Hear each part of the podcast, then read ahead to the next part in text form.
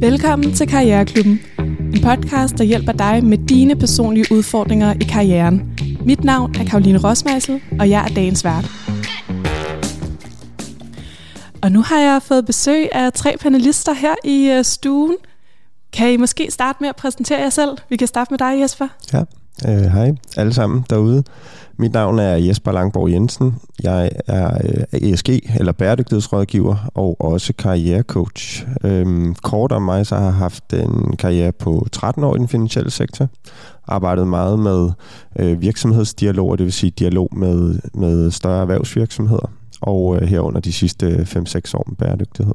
Mm. Så øh, jeg ved lidt om, om det i hvert fald. Dejligt at have dig her.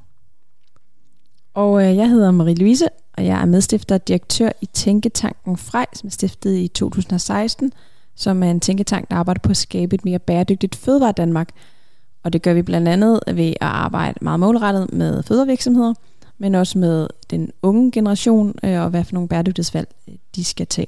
Og derudover så sidder jeg i bestyrelsen, både i det, der hedder Friland, og så i er forperson for Plantefonden, som er mhm regeringens fond for plantebaseret fødevare. Uh, spændende. Ja, det lyder spændende. Det har jeg heller ikke hørt om før.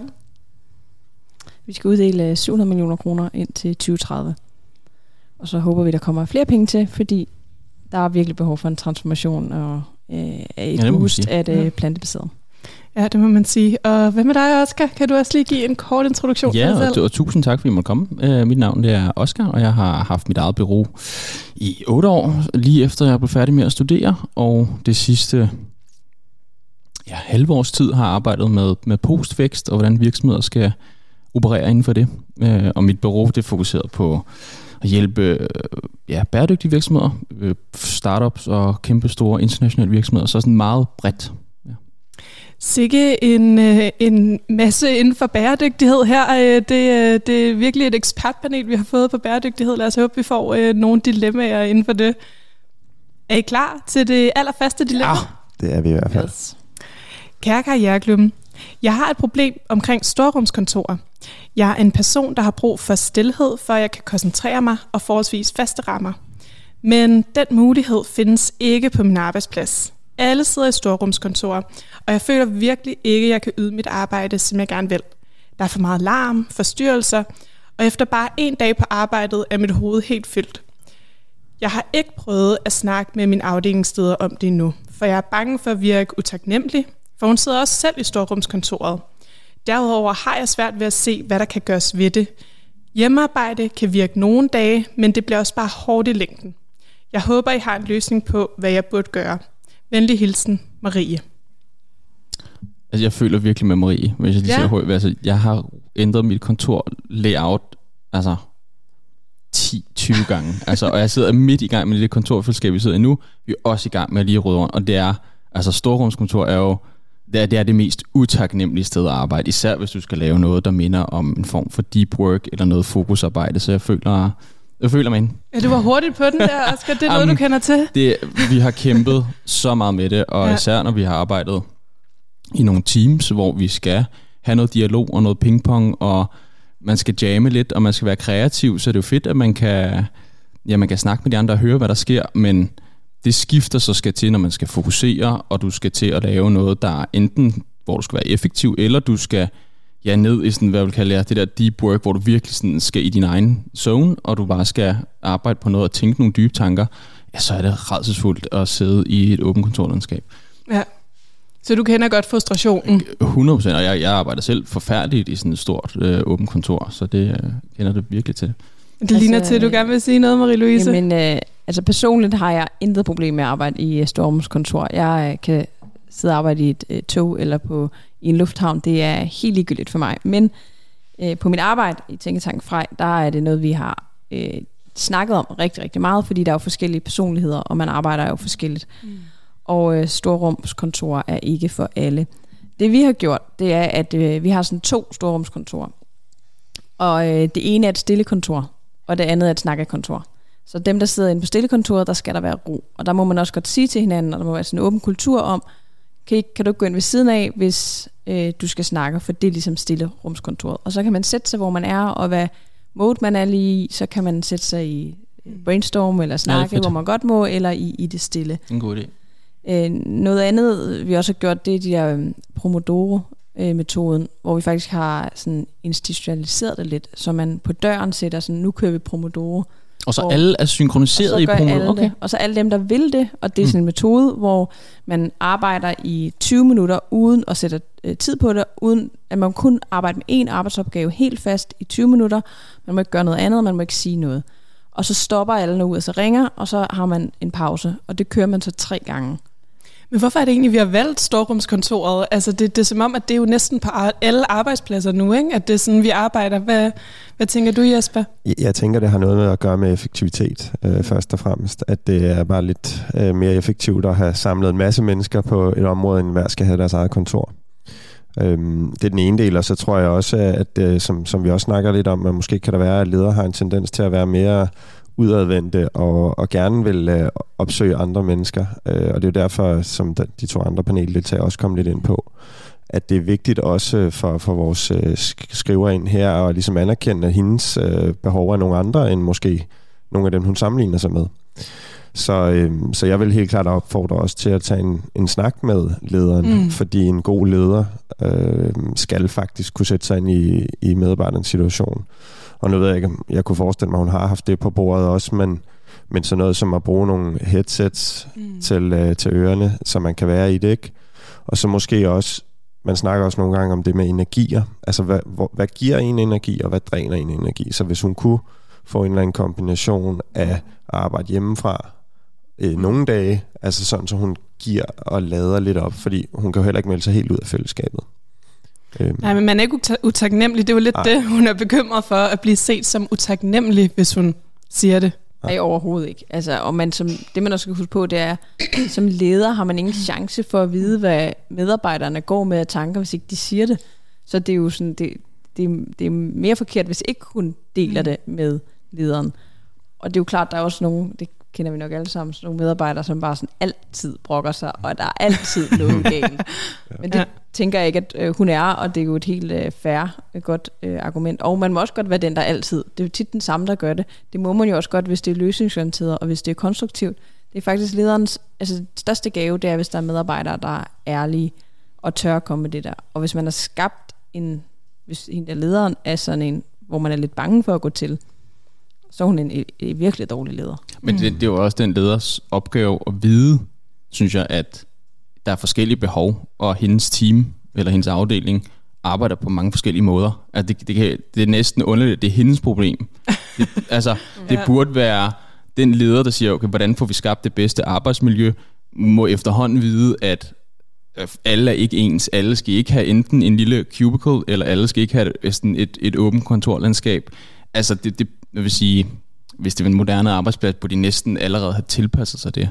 Mm. Øhm, vi Men var, det er også nogle gange lidt nemt, synes jeg, det der med, at det burde lederen vide, fordi der er virkelig mange ting, synes jeg, hvor det er sådan, hvorfor tager I ikke hånd om det, eller hvorfor gør I ikke det? Nå jo, men og det kan også være, at det er en ung leder, øh, altså nu er jeg jo selv øh, rimelig ung leder, og der er der masser af ting, jeg har lært hen ad vejen, og det, jeg har jo ikke fo- jeg har måske ikke øjne for det, Mm-mm. så derfor tror jeg i hvert fald, det vigtigste som leder, det er, at man skaber en kultur, hvor det er så nemt som overhovedet muligt for medarbejderne at komme med de ting, man ikke selv har øje for. Og jeg kan måske også supplere med et godt karriereråd også til, til, til lytteren her, at det er nogle gange, så, som lederen har rigtig mange ting på agendaen, Ja. så det kan godt være, at lederen egentlig gerne ville det, men øh, de, de når aldrig ned til prioriteten, eller også så øh, opmær- er de bare ikke opmærksomme. Så gå ind, når du har sådan nogle behov, og som minimum i hvert fald tage det op Mm. øh, med din leder. Øh, og så kunne man jo også, hvis man er lidt utryg med det, til at starte med, så se, typisk har man en fornemmelse af, hvem er lidt ligesom mig i teamet. Måske lige tage en lille dialog med dem øh, til frokost eller ude ved kaffeautomaten. Oplever du også det her nogle gange? Der kan man også nedbryde de der barriere med at føle, at man ikke er den eneste, fordi det er man ikke. Og det kan ikke være sådan et ressourcespørgsmål. Altså, tænker også, der er jo også noget, nu sagde du selv, at det er jo effektivt med storrumskontor. Hvad hvis der slet ikke er ressourcerne til det? Altså til at give den, den plads til medarbejderen. Men det, det, må man jo så, det må hun jo så tage stilling til, mm. øh, når hun får et svar. Øh, fordi så kan man jo begynde at overveje, hvis det kommer ud i ekstremerne, er det det rigtige sted, mm. man er, hvis, øh, med, hvis arbejdspladsen ikke kan rumme, at der er, er forskellige behov hos medarbejderne. Øh, så, så det vil jeg egentlig sige, tag det problem, hvis det kommer. Øh, der, der, der, der er selvfølgelig også noget med, øh, altså, hvad er de fysiske rammer, og hvad er overhovedet muligt. Altså, ja. nu har i en situation, hvor jeg kan have to forskellige øh, områder, hvor der kan være noget ene arbejde og det andet arbejde. Øh, vi har også selv arbejdet med at sådan, sige, ind til frokost, så larmer vi ikke, vi snakker ikke, vi er fokuseret. Og så efter frokost, jamen, så kan man have møder og være i dialog med hinanden og, og stå og jam. Så det kan også være, hvis der er en, eller andet, sige, nej, vi kan ikke øh, organiseres på den måde, fordi vi har ikke de her de faciliteter. Jamen, hvad så med, at vi har, hvis det ikke er ind til frokost, så sige, jamen, de to første timer, når man møder ind, jamen, så er der så stille. Mm. Øh, og alle ved det, om man så sidder med headphones på, eller hvad det er, jamen, så ved man, så kan man i hvert fald fokusere sig øh, måske en lille smule bedre, end hvis alle står og snakker. Der er jo altid nogen form for løsning. Altså, der er jo masser af idéer, ja, og jeg vil faktisk sige modsat, det er karriere, i hvert fald øh, hvis de kom til mig, så er det karrierefremmende, ja, når ja. der kommer medarbejdere med en eller anden udfordring, og særligt hvis de har en løsning med. Mm. Så i stedet for bare at sige, det her er problemet, øh, så kunne hun jo sige, jeg, kunne man gøre det her, eller jeg har de her tre forslag. Det er sådan, altså det bedste. Ja, det er guf. Ja. Øh, og, og, det er guf for en leder. Og, og det er sådan, ej okay, hun tænker nyt og anderledes, og gud, det har jeg ikke set, og hun er opmærksom på noget andet. Det er sådan en, øh, elsker, når medarbejdere ja. selv tager ansvar. Ja. ja, man siger, at man har måske tusind ting på ens agenda, og sådan, så skal man lige til at tage stilling til, hvordan man skal organisere sig, eller er der ikke lige den, de her faciliteter, men hvad nu hvis vi gør sådan her, så er det nemt at, nemt at købe ind på, eller nemt at få sat i værk, så det er, det er en god, god point. Hvad, hvad gjorde du egentlig selv nu? Altså du sagde, at du selv havde lidt problemer med det her storrumskontor. Du havde det. Jamen vi er gået over til, nu er vi i gang med at rykke, vi sidder nu på et kontor. Vi havde vores eget kontor, og sådan et stort rum, og nu er vi så over i et kontorfællesskab, øh, også fordi vi, vi er downscalet. Øh, mm. Og nu prøver vi at finde ud af, hvordan vi skal organisere os i de her kontorforskellige. En masse gardiner og nogle rum, og noget, netop noget fleksibilitet. ja. altså, fordi det er også sådan to store rum, men hvordan kan vi få skabt en eller anden form for fleksibilitet i det rum, så ja, vi kan t- altså, tilpasse de forskellige behov. Jeg kan måske også spørge dig, hvordan er medarbejdersammensætning? Så har du nogen fornemmelse som leder omkring, øh, hvordan øh, dine præferencer er hos dine medarbejdere? Øhm, nu, ja, det er jo lidt, hører måske lige med til historie, men vi, ja. vi var lige omkring 8-10 stykker, og nu er vi så tre stykker. Øh, så sådan, jeg har en rigtig god fornemmelse af, hvad, hvad ja, vi vil nu, okay. og vi har faktisk en af mine, mine kollegaer, hun sidder kun hjemme, mm. øh, og øh, det er bare hendes drøm. Øh, hun ja. sidder så lidt længere væk fra København, så der er også noget logistik der, men det tog øh, mig og også hende selv, tror jeg, sådan lang tid at finde ud af, at når et, det var overhovedet en mulighed, og hvad, hvad betyder det så for sådan hele organiseringen og hvordan vi arbejder. Øh, hvordan indgår man i en team, hvis man ikke er til stede på kontoret. Mm. Især hvis det er nogle ting, hvor man skal samarbejde og være kreativ og sådan tænke i nogle sådan lidt abstrakte løsninger, så opstår der bare noget magi, når man, når man lige står sammen. Så det, nogle gange betyder det også mere for, er det ikke kun de fysiske sådan, rammer, eller hvordan man, det betyder også noget for alle mulige andres arbejdsflow også. Ja, blive og så, set også. Ja, og ja. hvordan er det, vi lige pludselig organiserer et projekt, hvis der er en, der ikke sidder, og man lige kan vende så 180 grader, så lige prik på skulderen. Hvad, hvad gør det så? Hvilke redskaber skal vi så have på plads, øh, for at det er overhovedet muligt? Øh, men ja.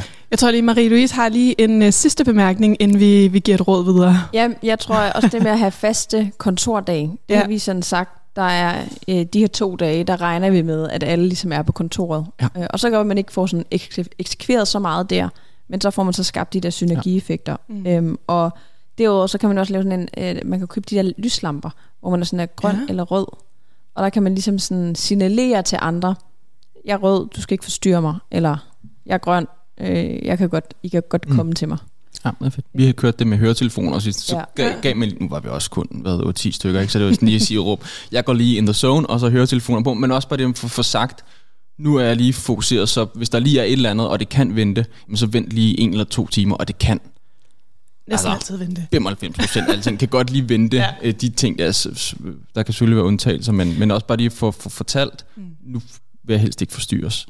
Okay, Marie, der er virkelig mange gode, gode råd til, hvad du kan gøre her. Øh, men først og fremmest, så skal du i hvert fald ikke føle dig utaknemmelig over at øh, sige det her til din, øh, til din afdelingsleder. Det er faktisk bare guf for, for din leder, at, øh, at, at hun forstår, hvordan du har det, og hvad du trives bedst med. Så, øh, så det skal du endelig gøre. Og så er der masser af muligheder for, hvordan man kan ja, skabe et lidt bedre kontormiljø for dig, så du, øh, så du arbejder godt der både lamper, øh, det kan også være, det er nogle gode AirPods med noise cancelling øh, funktion, der kan gøre det. Der findes i hvert fald mange muligheder. Tak for det.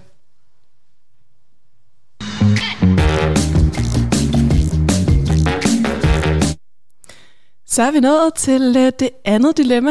Jeg synes godt nok, det her med storrumskontor, det var, det var som om, det virkelig fik, øh, det, det fik nogle øh, holdninger op i jer. Der, det er jo noget, alle står i. Ikke? Altså, det et problem. Øhm, nå, lad os gå videre til det næste dilemma. Kære Karriereklubben, mit navn er Selina. Jeg er kun 23 år, men jeg er allerede langt i min karriere.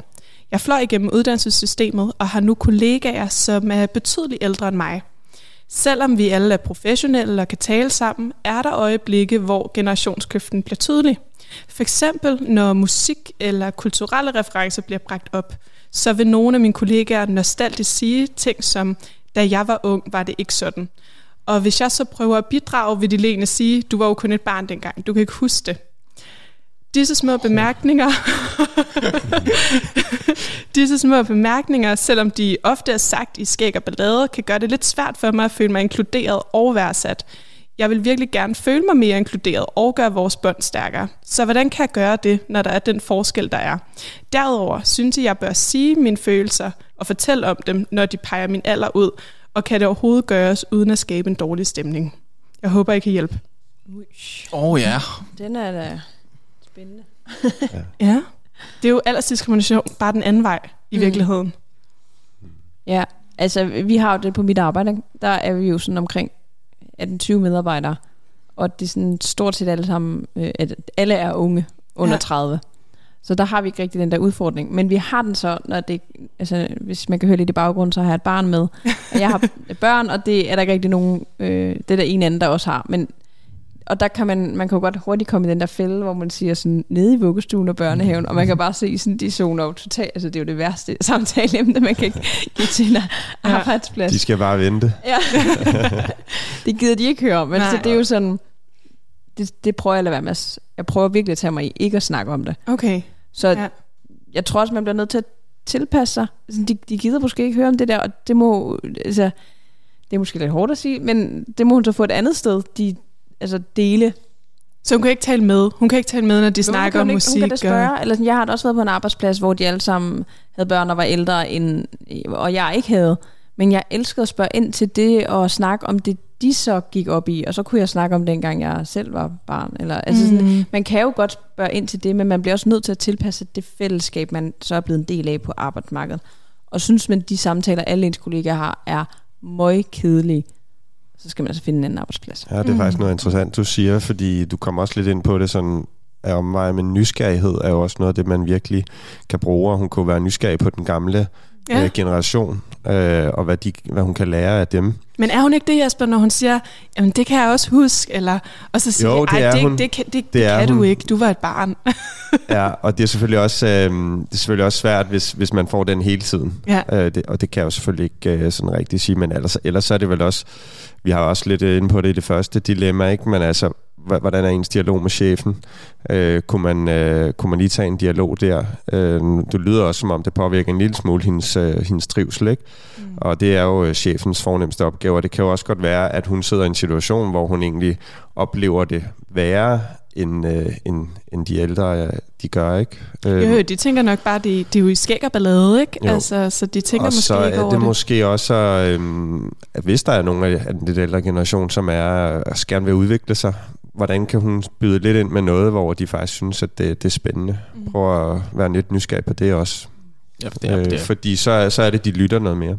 Hvad, det er hvad bare siger en, du, Asger? det, det er jo bare en svær en at sådan balancere. Altså, man taler om at leve sin livssituation, ikke? Altså, det bringer man med ind på arbejdspladsen, eller lader man det blive derhjemme, og, og matche de to ting, det, åh, det, er, det er godt nok svært, men jeg tror, hvis nu kunne stå for at lave nogle sociale arrangementer, hvor hun bringer et eller andet smule, hey, skal vi ikke lave det her, den her fredag, et eller andet et teamarrangement, og hvad hun så finder på, så har de et eller andet der fælles at snakke om, fordi ja, hvis de er 50 plus eller et eller andet, så er de bare et helt andet sted i livet, så at tale om livet, ja, der er bare en, et, et stort spænd, hvis, hvis det er det, hun gerne vil. Øh, men hvis nu kunne få skabt nogle situationer, hvor de er med, om de er altså, jeg ved ikke, ude at lave et madlavningskursus, eller de er Ja. ude at lave et eller andet, altså, så kan de snakke om det, eller sådan, så bliver der noget, så skal, de ikke, så skal hun ikke trække nogle referencer for, for hendes hverdag, og de skal ikke trække nogle referencer for deres hverdag, så kan de snakke om noget fælles, de laver der. Øhm, så man skal så, finde så noget, noget andet at bonde på? Jamen, eller i hvert fald noget, hvor de har en oplevelse sammen, fordi ja, ja en 23-årig versus en 50-årig, det, det, det, ja, der er, eller kan, behøver ikke at være det, men ofte er der jo nok bare et kæmpe stort spænd sådan i, hvad, hvad, hvad de laver uden for arbejdet.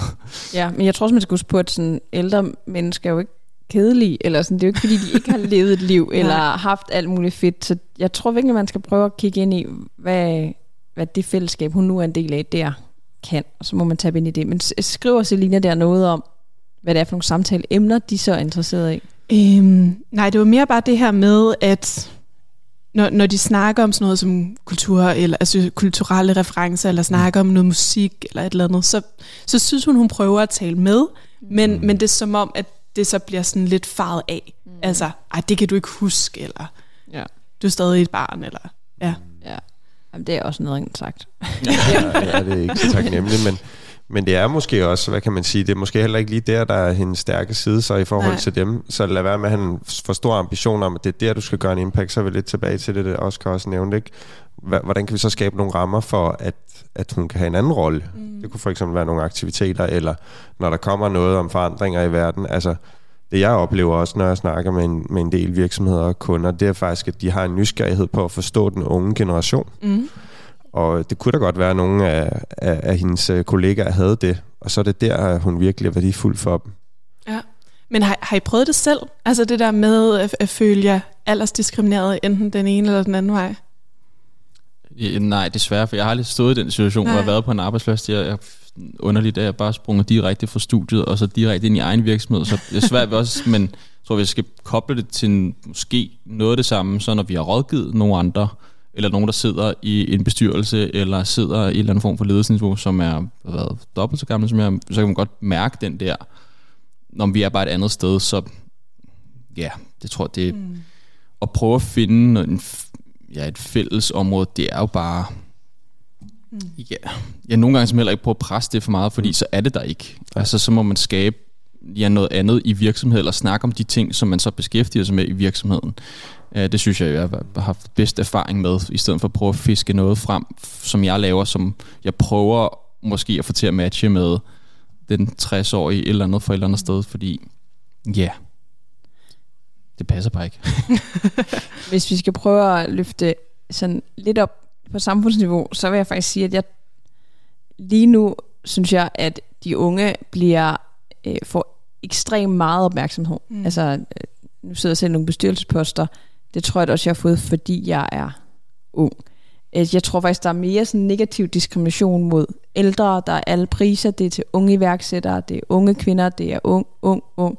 Hvis ikke du er ung, så, så og du ikke har nået din karrieremål tidligt, jamen så øh, er det hele, så, så løbet kørt. Øh, man lytter meget til unge i forhold til bæredygtighed, og hvad er det nye, der sker. Og det, ja, så jeg, jeg tror, man skal føle sig lidt privilegeret. Det gør jeg i hvert fald mm. som ung. Fordi øh, jeg synes godt nok, man får meget indflydelse og mulighed, fordi man ikke kun fordi man er ung, men det giver et eller andet ekstra, at man er ung. Så, så er du mere i virkeligheden derover, hvor du egentlig synes, hun skal tilpasse sig lidt det, det miljø, hun er i? Altså at prøve at finde nogle andre ting, at øh, man har til fælles med, med, med sine kollegaer, men i hvert fald ikke, altså ikke prøve at force noget, der ikke er, og måske også bare køre lidt med strømmen nu, når det er at dem, der ja, er flest også, af, hvis det er der stikker ud. Jesper indikerede det lidt sådan, øh, noget som den her generation jo virkelig, i hvert fald os, der sidder her ombord og gør.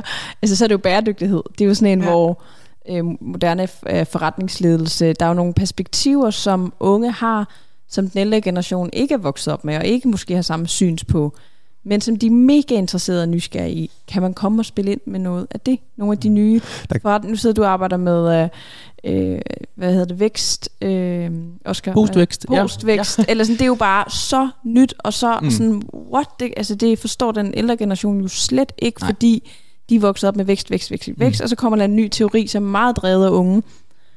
Men kan man komme med de der input, så oplever jeg i hvert fald, at de ældre er nysgerrige på at høre om det. Mm. Og der, der vil jeg lige sige, der tror jeg godt, der kan være forskel.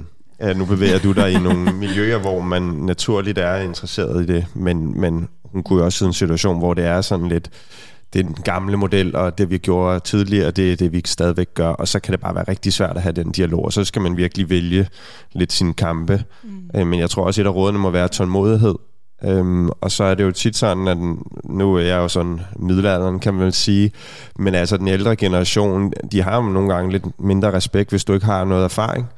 Ja. Så, så, så, så vær lidt tålmodig, og så vis nogle steder, hvor du øh, leverer en værdi, og så begynder de mere og mere at lytte til dig, det er jeg sikker på. Og, og som der også øh, kommer lidt ind på Marie-Louise, men så, så sker der rigtig mange forandringer, så den ældre generation, de bliver nødt til at blive inspireret af de unge, hvis de skal følge med på den lange bane. Og det, det kommer til at, mm. at ske, men man skal bare være tålmodig, øh, fordi det, det, vi snakker om forandringer. Hvad hvis det var omvendt? Altså hvad nu hvis det var en, en ældre medarbejder, hvor at de yngre medarbejdere sagde, ej, det kan du ikke huske, det var, det, du var slet ikke til fest dengang. Altså, jeg får det at vide konstant, men, øh, fordi øh, mine medarbejdere er yngre end mig, de fleste af dem, og de synes, jeg er så gammeldags på mange år, eller boomer, og altså, jeg bliver virkelig sådan gjort til grin. okay. og sådan, Nå, det er typen, der går med stramme bukser, og jeg sådan, og gør, så gør man ikke det mere, sådan, prøv at kigge på os andre, og sådan, Nå ja, det kan jeg godt se.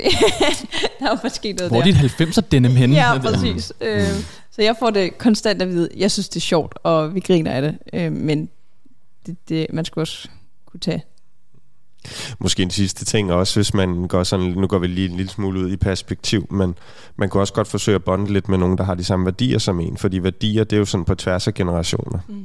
Øhm, så det kunne jo være, det har jeg i hvert fald hørt med en del unge, som faktisk måske bonder med nogen, der er relativt ældre, men hvor de har nogle fælles værdier, som kunne være familie, eller som kunne være et eller andet sport, eller et eller andet andet, som er lidt udenom omkring arbejdet. Det kunne også være en måde at komme ind på nogen, og så blive accepteret lidt mere. Så væk fra det der musik. model, bare drikke noget øl og noget vin og dans lidt. Ja. Det kan vi altid bonde op på tværs af generationer. Ja, det er rigtigt. Okay, så rådet herfra, Selina, det er altså find noget andet måske, som du kan øh, have til fælles med, med dine kollegaer. Du er også nødt til at tilpasse dig en lille smule.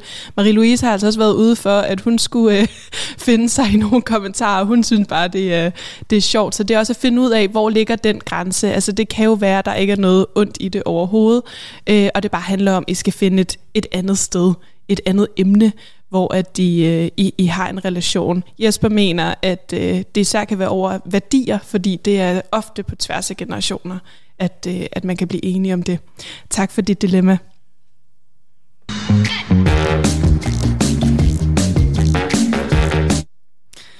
Så er vi simpelthen nået til det aller sidste dilemma. Er I klar på det? Mm. Yes.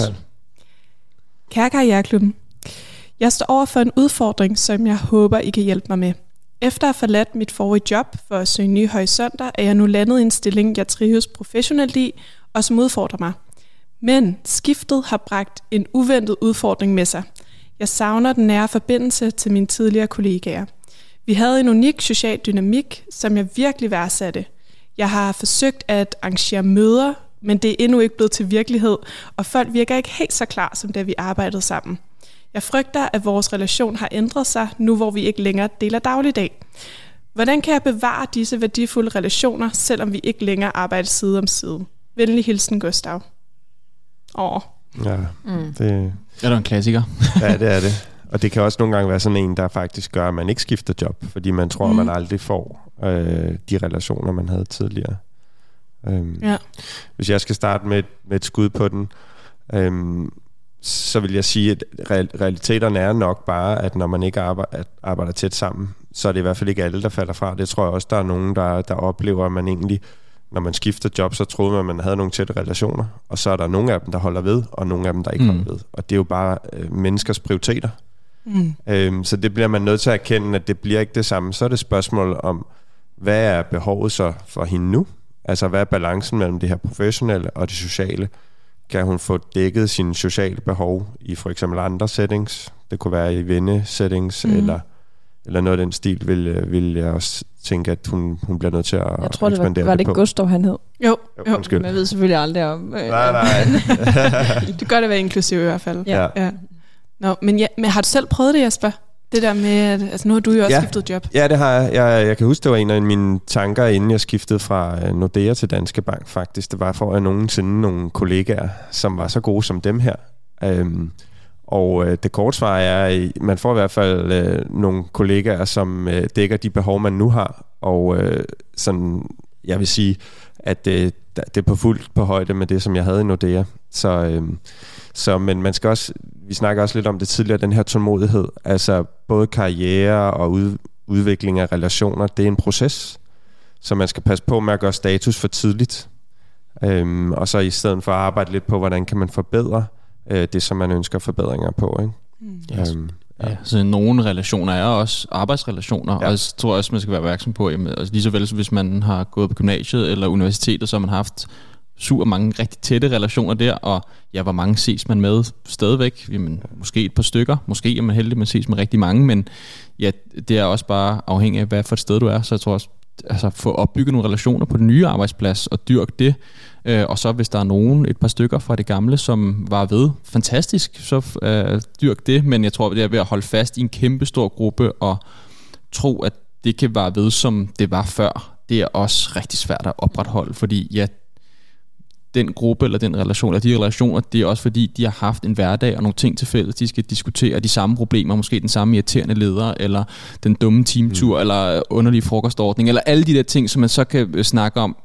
Og det er det, der skaber de fede relationer, eller det, der, ja. der giver den dynamik. Og det kan lige så vel være, at det kan opstå på den nye arbejdsplads. Uh, så sådan, ja, nogen har super tætte relationer, få, andre store brede, så ja, jeg tror også begynde at bygge det op på nye arbejdsplads, fordi der kan der sikkert komme lige så mange fantastiske øh, bekendtskaber der. Jeg vil bare lige kort inden du måske lige ser over. En af de ting, som han også kan være opmærksom på, det er det her med, at man kan også godt sidde med en følelse af, at det er en selv, der hele tiden skal drive det. Mm. Øhm, og der skal man bare virkelig gøre op med sig selv, hvad får man ud af det? Og måske nogle gange skal man acceptere, at man gør lidt mere for at arrangere tingene, fordi man synes, at det er det værd. Men det, det, det er ret uheldigt, hvis man falder over i den der, hvor man bliver sådan, sur og irriteret på, at der ikke er nogen, der gør noget. Altså, der bliver man nødt til også lidt at tage ansvar for, hvad er det, man gerne selv vil, ikke?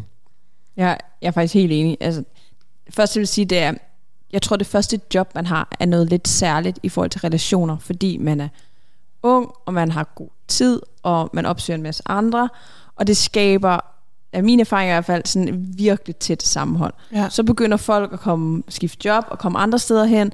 Nogle får børn, og der kommer andre prioriteter. Og så bliver den der kerne på arbejdsmarkedet måske ikke lige så helt stærk, som den har været. Så bliver det noget andet, og det bliver lige så mm. godt, men det bliver ikke det der, vi går i byen hver fredag, øh, vi drikker fredagsøl, vi mødes efter, vi træner sammen om morgenen. Alle de ting, som der tit er faktisk er, er meget tæt i starten. Så det skal jeg nok forvente, ja. at, at det, bliver ikke, det bliver en anden type relation. Og så, øh, så vil jeg også tage det der med initiativ.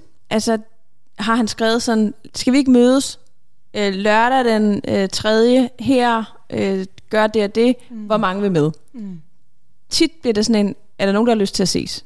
Og så er der, ja, men så ved de godt, at hvem arrangerer sig, og åh, det overgår de ikke. ja. Jeg har så mange relationer, der ikke bliver til noget, hvis ikke jeg tager initiativ. Og det er der bare nogen, der skal. Og hvis jeg så rigtig gerne vil se dem, så må jeg tage det initiativ. Mm. Og hvis jeg så efter noget tid tænker, ej, nu er det femte gang, at det er mig, de gider det nok ikke lige så meget, så kan man jo vælge at droppe det, men så er der en risiko for, at du mister de venner. Og det er ikke ens betydende med, at de ikke gider dig. Det kan også være, at de bare er typerne, der er virkelig dårlige til at tage initiativ. Og det tror jeg måske 60, 70, 80 procent af dem, som er ekstremt dårlige til at tage initiativ, men gerne elsker, når andre gør det. Mm, ja. Så må han ligesom være den, der så øh, tager det initiativ. Mm. Og det er okay. Altså det betyder ikke, at de nødvendigvis ikke vil, vil nej, se nej, ham. Slet ikke. Det er altid den samme, der inviterer til middag mm. i jeres vennegruppe. Ja. Det er altid øh, at have fester, og mm. øh, ja, sådan er det.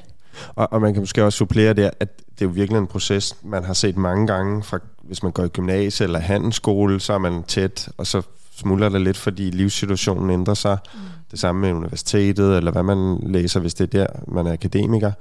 Øhm, og det samme sker også, når folk får børn. Altså, øh, og hvis man, man dykker lidt ned i det, så siger man faktisk, det handler sådan for mennesker generelt i forhold til at være glade og tilfredse, handler det om at have relativt få tætte relationer. Og de relationer, der kommer sådan udenomkring, de kommer og går igennem livet. Mm. Øhm, og det er for de fleste en naturlig proces.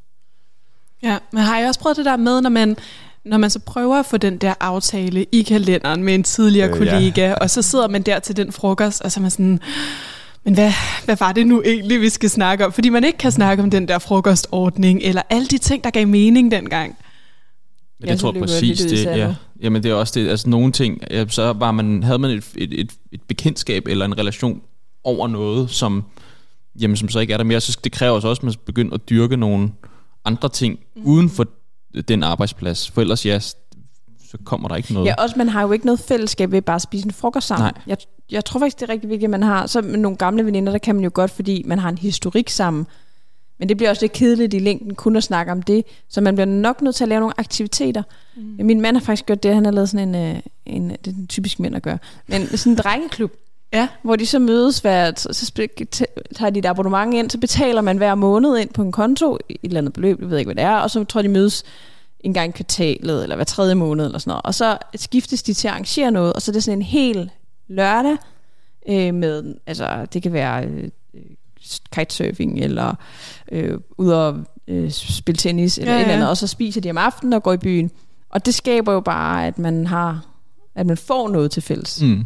Sådan loge, logeklub -agtig. Ja, det kan man så være med at kalde det. Det, det er mere sådan, så er det sådan i bogen, og man skiftes til at arrangere nogle ja. ting.